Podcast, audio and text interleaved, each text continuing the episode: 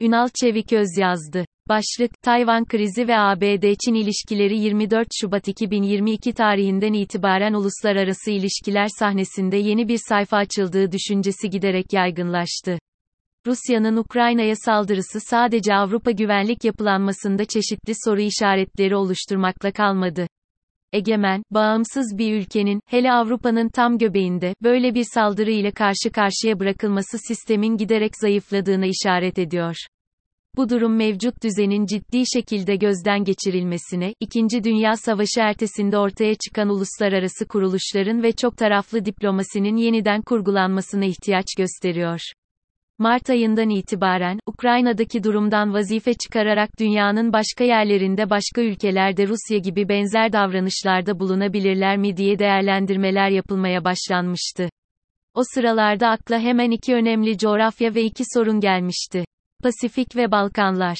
Bir süredir, bir yandan Balkanlarda Sırbistan Kosova Bosna ekseninde bir hareketlilik gözlenirken, bir yandan da Tayvan uluslararası ilişkiler gündemine yerleşti.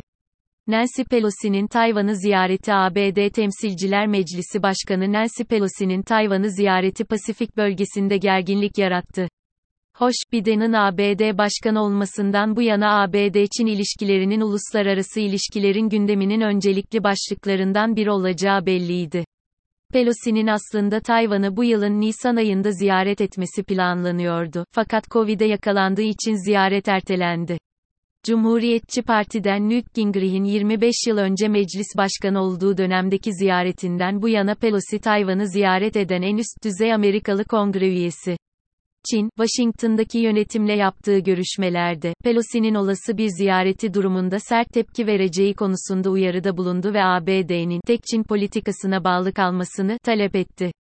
Uluslararası basında ise Temmuz ayında Bali'de yapılan G20 toplantısı sırasında ABD ve Çin Dışişleri Bakanlarının 5 saat süren bir görüşme yaptıkları, bu görüşmede Blinken'ın muhatabı Wang Yi'ye Pelosi'nin ziyaret kararının tamamen kendi kararı olduğunu, bunun ABD'nin mevcut yönetiminden bağımsız bir şekilde alındığını ifade ettiği aktarılıyor.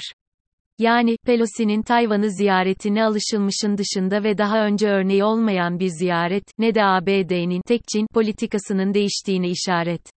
Asıl mesele ise, Çin'in bu ziyareti Tayvan politikasına ilişkin statükoyu değiştirmek için bir bahane olarak kullanıp kullanmayacağı hususunda düğümleniyor.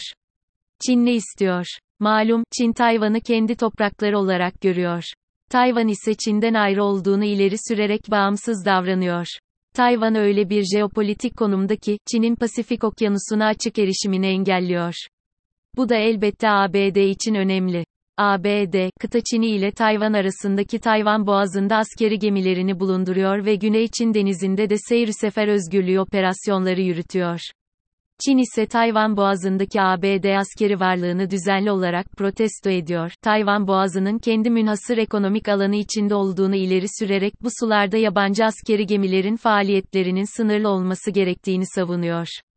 Nitekim, Pelosi'nin ziyareti ile birlikte, Tayvan boğazını ve hava sahasını hemen ablukaya aldı, gerçek mermi kullanarak askeri tatbikat başlattı ve hem Tayvan'a hem ABD'ye bir tür işaret vermek için adım attı. Bu davranışlar Çin'in Tayvan ile ilgili çizgisinde statükonun değişmeye başladığına işaret olabilir. Bu bir ekonomik savaş mı? Çin bir süredir Tayvan'dan aldığı gıda ürünlerine kısıtlama getirdi. Öte yandan, Çin'in en önemli ithalat kalemini de elektronik, dijital ve telefon gibi alanlarda kullanılan çipler oluşturuyor. Çin'in yılda 400 milyar doları bulan bu ithalatında Tayvan önemli bir ihracatçı. Ama Çin Tayvan'dan çip almaktan vazgeçemedi.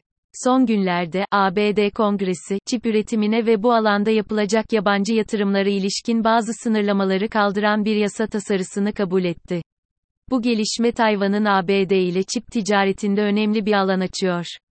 Çip ve bilim yasası olarak adlandırılan yeni yasa ABD'de yerli çip üretimi yapan firmalara 52 milyar dolar civarında bir sübvansiyon imkanı tanıyor. Tayvan'ın yarı iletken ürünler imalat şirketi de ABD'de Arizona'da bir fabrika kuracak. Pelosi, Tayvan'ı ziyareti sırasında bu şirketin CEO'su ile de görüştü. Nokta. Anılan şirket dünyanın en büyük çip üreticisi, dünyadaki çip üretiminin %90'dan fazlasını temin ediyor. ABD en önde gelen alıcısı. Apple'dan F-35'lere varana kadar önemli bir pazar bu çiplere ihtiyaç duyuyor. Çin'in son zamanlarda Tayvan politikasında sertleşmeye yönelik bir söylem değişikliği göstermesi ABD'yi hem yukarıda sözü edilen yasayı geçirmeye, hem bu Tayvan şirketini ABD'de yatırım yapmaya davet etmesine sebep oldu. Şirketin Arizona'da kuracağı fabrika şimdilik 12 milyar dolara mal olacak. ABD-Çin diyaloğu sürer mi?